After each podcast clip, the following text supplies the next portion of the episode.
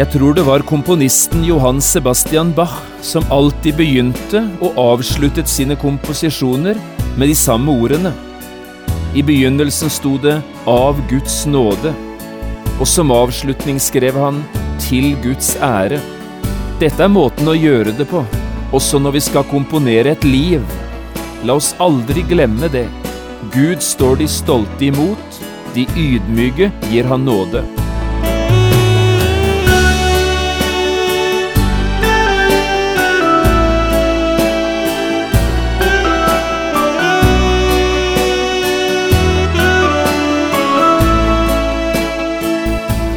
Hjertelig velkommen til et nytt program i serien Vindu mot livet. Programmet er produsert av Kristen Riksradio og blir ledet av Jon Hardang. Kristen Riksradio drives av frivillige gaver. Vi er glade for din støtte.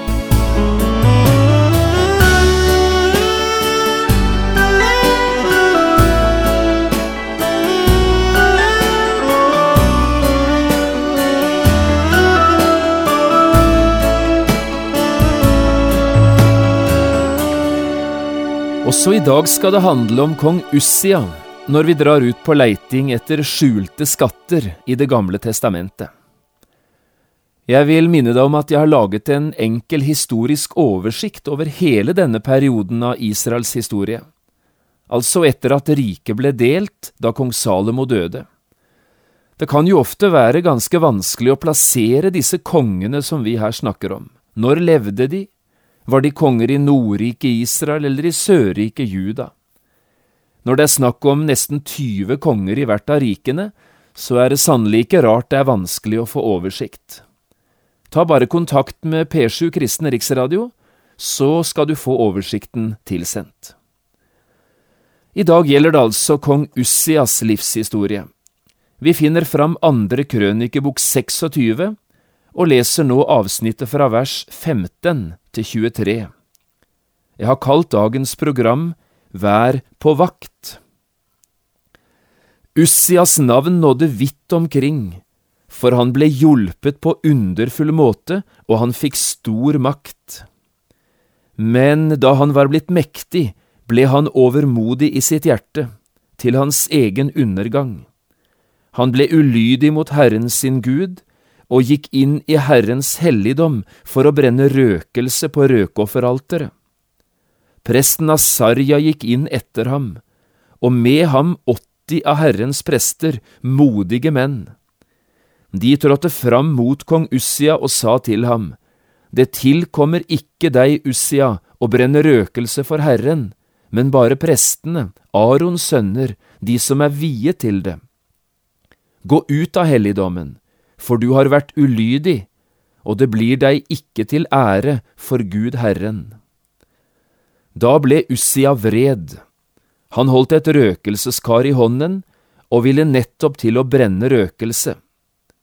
Men da hans vrede brøt løs mot prestene, brøt det ut spedalskhet i hans panne mens han sto der foran prestene i Herrens hus ved røkofferalteret. Da ypperstepresten Asarja og alle prestene vendte seg mot ham, så de at han var spedalsk på pannen. Da drev de ham raskt bort derfra, og selv skyndte han seg også å komme ut, for Herren hadde slått ham. Siden var kong Ussia spedalsk til sin dødsdag. Han bodde i et hus for seg selv som spedalsk, for han var utelukket fra Herrens hus. Hans sønn Jotam sto for kongens hus og dømte landets folk. Det som ellers er å fortelle om Ussia, både i hans første og i hans senere år, har profeten Jesaja, Amoses sønn, skrevet opp. Ussia la seg til hvile hos sine fedre. De begravde ham nær hans fedre på den begravelsesplassen som tilhørte kongene, for de sa, Han er spedalsk og hans sønn Jotam ble konge etter ham.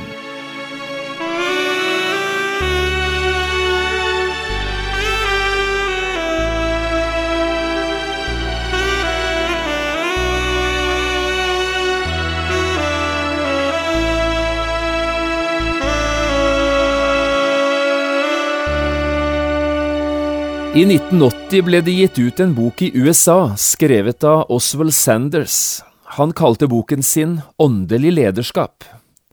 I dag har jeg lyst til å starte med å sitere litt fra denne boken. Hør hva han skriver.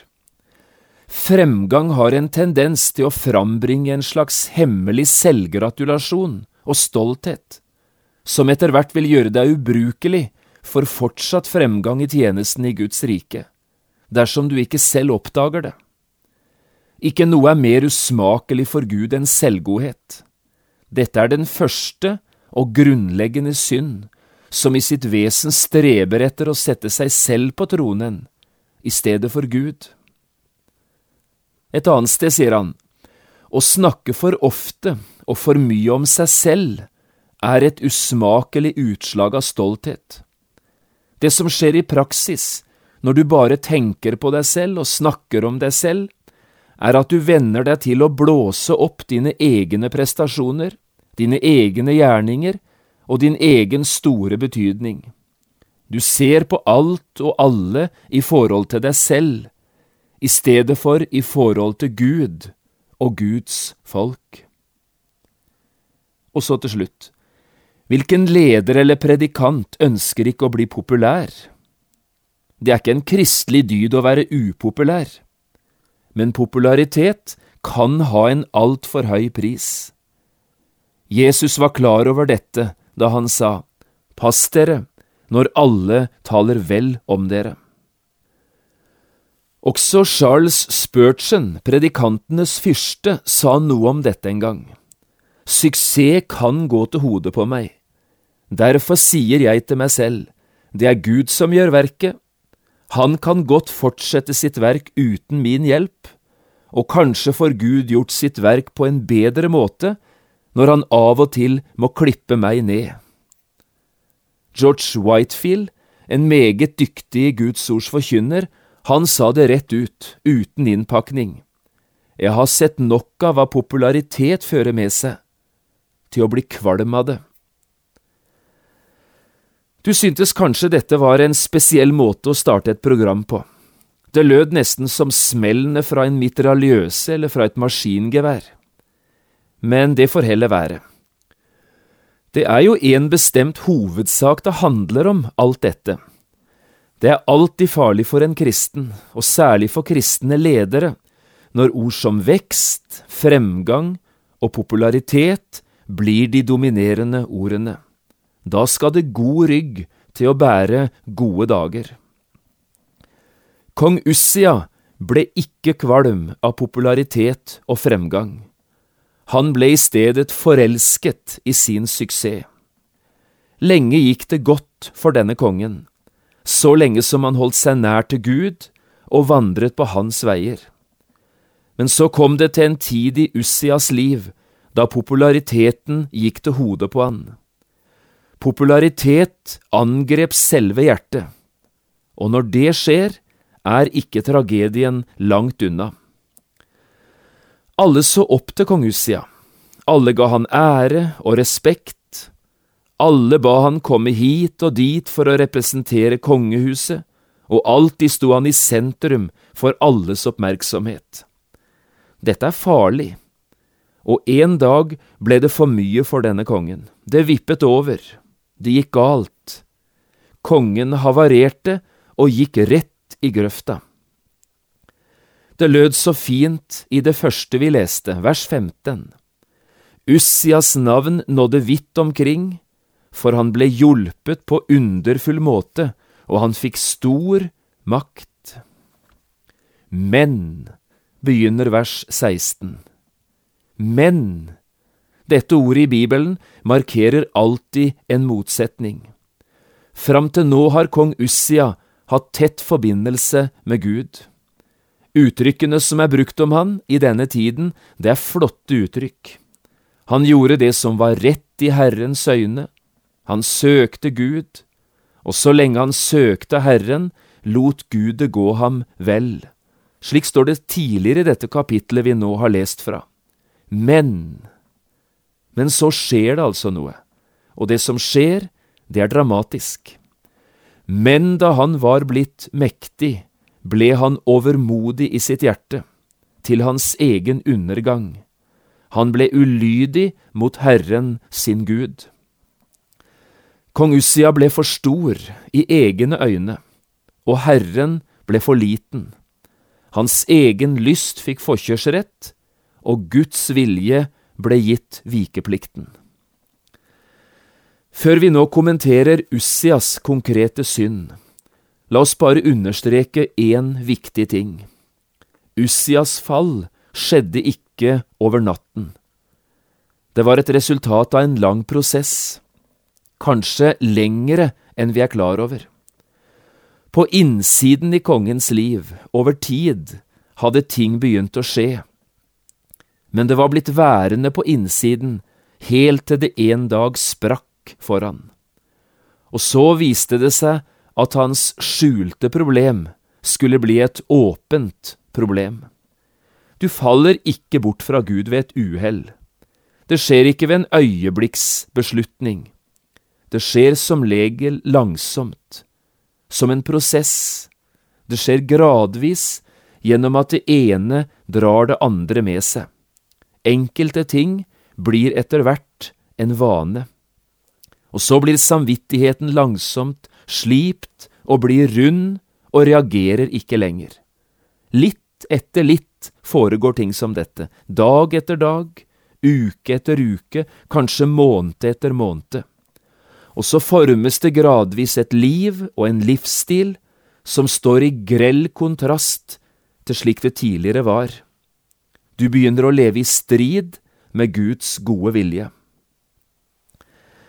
Dagen kom altså da kong Ussias fall ble åpenbart og bibelavsnittet vi leste nå fra begynnelsen i dag, fortalte oss i detalj hvordan dette foregikk. Jeg synes dette egentlig er ganske skremmende lesning. Tenk om det bare hadde vært noen som kunne ha snakket med kongen før dette skjedde, veiledet han, advart han, hjulpet kong Ussia til å justere kursen. Men det fantes ingen slike som våget. Det skal forresten en god del mot til, særlig hvis det gjelder respekterte og innflytelsesrike personer, som kongen, mennesker som har suksess og som det går godt for. Og så gikk det galt for kong Ussia i stedet for godt. Det gikk helt galt. La oss prøve å oppsummere det vi leste. En dag tok altså kongen med seg røkelse og gikk inn i Guds tempel, inn i det rommet som kalles det hellige. Her står han nå foran røkofferalteret og vil brenne røkelse for Herren. Men dette hadde kong Ussia ikke rett til. Det var bare prestene, menn av Levi stamme, som hadde lov å gjøre tjeneste i det hellige rommet. Bare disse kunne være prester for Herren. Kong Ussia var riktignok konge, men det ga han i denne situasjonen ingen rettigheter til å gjøre det han nå gjorde. Kongen var politiker, det var presten som var Guds mann. Kong Ussia handlet galt, og jeg tror han visste det. Mot bedre vitende gjorde han det Herren hadde forbudt han å gjøre, og det er alvorlig. Det kongen nå gjorde, det ble lagt merke til, og det ble reagert på. Men det skal mye mot til å tale kongen midt imot. Heldigvis fantes det mennesker også på denne tiden som hadde mot til å stå fram og tale på Guds vegne, selv om de risikerte at det kunne koste dyrt. Presten Asarja, står det, fulgte etter kongen inn i dette hellige rom, og sammen med han 80 av Herrens prester. Modige menn er de kalt, og det måtte de sannelig være når det skjer som nå er fortalt.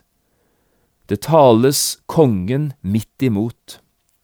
Det tilkommer ikke deg, Ussia, å brenne røkelse for Herren, men bare prestene, Arons sønner, de som er viet til det. Gå ut av helligdommen, for du har vært ulydig, og dette blir deg ikke til ære for Gud Herren. Det er ganske dristige ord. Og hør nå hva som videre skjer. Kongen reagerer og han reagerer sterkt. Kong Ussia ble sint, står det her. I stedet for å bøye seg for det Gud har pålagt, løfter han røkelseskaret og er i ferd med å gå i gang. Hvem i dette rommet våger å tale meg, kongen, midt imot? Men idet han er i ferd med å la sitt sinne bryte ut mot disse irriterende og selvsikre prestene, skjer det noe. Det bryter ut spedalskhet i kongens panne, og kongen merker det ikke selv, det skjedde jo i pannen, men prestene, de så det. Herren hadde slått han, forteller andre krønikebok 26. Dersom Gud selv sier, dette er nok, nå er grensen nådd, nå klarer det seg. Og prestene forteller kongen det de ser, de driver han ut av tempelet, og kongen selv har også blitt redd, han flykter av gårde. Hovmot står for fall, sier vi ofte, og det er i alle fall rett. Gud står de stolte imot, det er de ydmyke som får nåde. Kong Ussia ble spedalsk like til sin dødsdag. Han måtte bo i et hus for seg selv og var for alltid utelukket fra Guds tempel. Det er et tragisk endelikt. Kong Ussia ga ikke Gud den ære Gud skal ha. Han tok seg selv til rette og glemte Guds navn og Guds ære. Han forsøkte å rane til seg det som bare hører Gud til. Mot slutten av dagens program har jeg lyst til å formulere fem konkrete advarsler, så ikke også vi, på vår måte, skal havne i en situasjon som ligner den kong Ussia havnet i. Og dette gjelder hver eneste en av oss, og kanskje særlig spesielt du som har ansvar som leder. Alle fem advarslene handler om det samme. Vær på vakt. For det første, når kampen mot deg selv, på det indre planet i ditt liv, er blitt viktigere enn kampen mot det vonde omkring deg, da skal du være på vakt. Legg merke til det som skjer når mennesker begynner å bruke for mye krefter på seg selv, på sitt slit, på sine behov, og på sin kamp. Da er det fare på ferde. Så lenge Ussia sloss mot filistere, arabere og meunitter, var alt greit. Men når han etter hvert måtte begynne å slåss mot sin egen posisjon, sitt eget image, da gikk det galt. Han ble impulsiv og sta, uavhengig og defensiv, og meget kritisk. Vær på vakt når krigen i ditt indre menneske er blitt viktigere enn krigen mot ytre fiender. Det andre, vær på vakt når en leder begynner å bruke mer krefter og energi på å trygge sin posisjon enn han bruker krefter på å bygge Guds rike. Når det blir viktigere å sikre lederens navn og omdømme, hans posisjon og handlefrihet, da er det fare på ferde. Sakte, men sikkert begynner det å bli mennesket som settes i sentrum, mer enn at Gud skal ha æren. Flotte bygninger blir reist, organisasjoner vokser, menigheter beskrives som den hurtigst voksende i mils omkrets, antall invitasjoner til å delta både her og der på seminarer og kurs eksploderer. Vi skal passe på, for vi vet hva som da kan skje. Det er blitt viktigere å trygge din egen posisjon enn å bygge Guds rike. Det tredje, vær på vakt når Guds velsignelse og Guds hjelp ikke lenger er så viktig. Hvis avhengigheten av Gud er i ferd med å bli borte, hvis jeg ikke lenger må stå som tigger for Gud og er avhengig av Han, da er det fare på ferde. Jeg er i ferd med å ville klare alt sjøl og begynner å ta hånd om det som er Guds ansvar. Vi så det i Jussias liv, det begynte så fint. Gud lot det gå ham vel, står det. Gud hjalp han.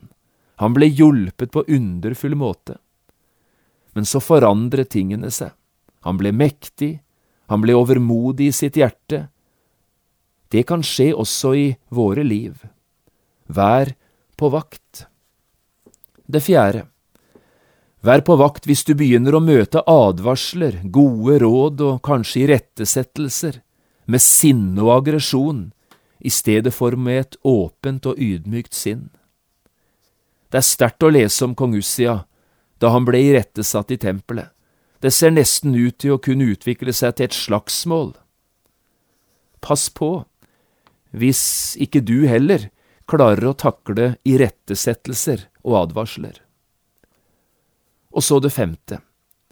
Vær på vakt når du ikke lenger er redd for de uunngåelige konsekvensene av synd. Hvis du kan handle i strid med Guds vilje uten å frykte, er det fare på ferde. Det står altså en gammel grav nær Jerusalem, en gravstein. Hvis den noen gang blir funnet, står disse ordene på steinen. Han var spedalsk. Disse ordene er en konstant og viktig påminnelse om at Gud aldri vil dele sin ære med noen. Så helt til slutt, hva skal du og jeg gjøre med dette vi nå har hørt? Det er kanskje lett når vi hører ord som dette om stolthet og hovmod og selvopptatthet, at vi sender dette videre til andre. Det er noen personer vi kanskje straks ser for oss når ting som dette blir brakt på bane. Der fikk han den, tenker vi. Jo, dette trengte hun sannelig å høre. Sånn reagerer vi. Men i dag er det ikke alle de andre det gjelder, det er deg, og det er meg. Hva vil du gjøre med dette du nå hørte? Hva skal jeg gjøre med det? Akkurat i dag har du og jeg muligheten å være litt stille nå hos oss selv. Prøve å tenke oss litt om. Hvor står jeg egentlig i forholdet til Gud? Jeg tror det er noe av det viktigste vi kan gjøre, dette å være stille og tenke litt igjennom vår egen situasjon.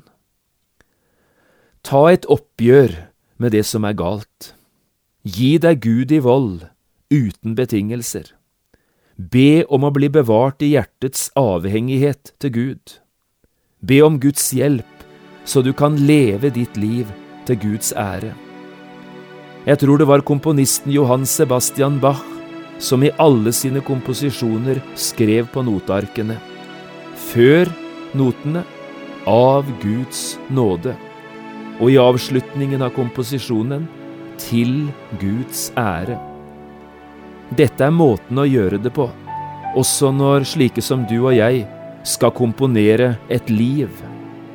Og la oss aldri glemme det. Gud står de stolte imot, men de ydmyke gir han nåde.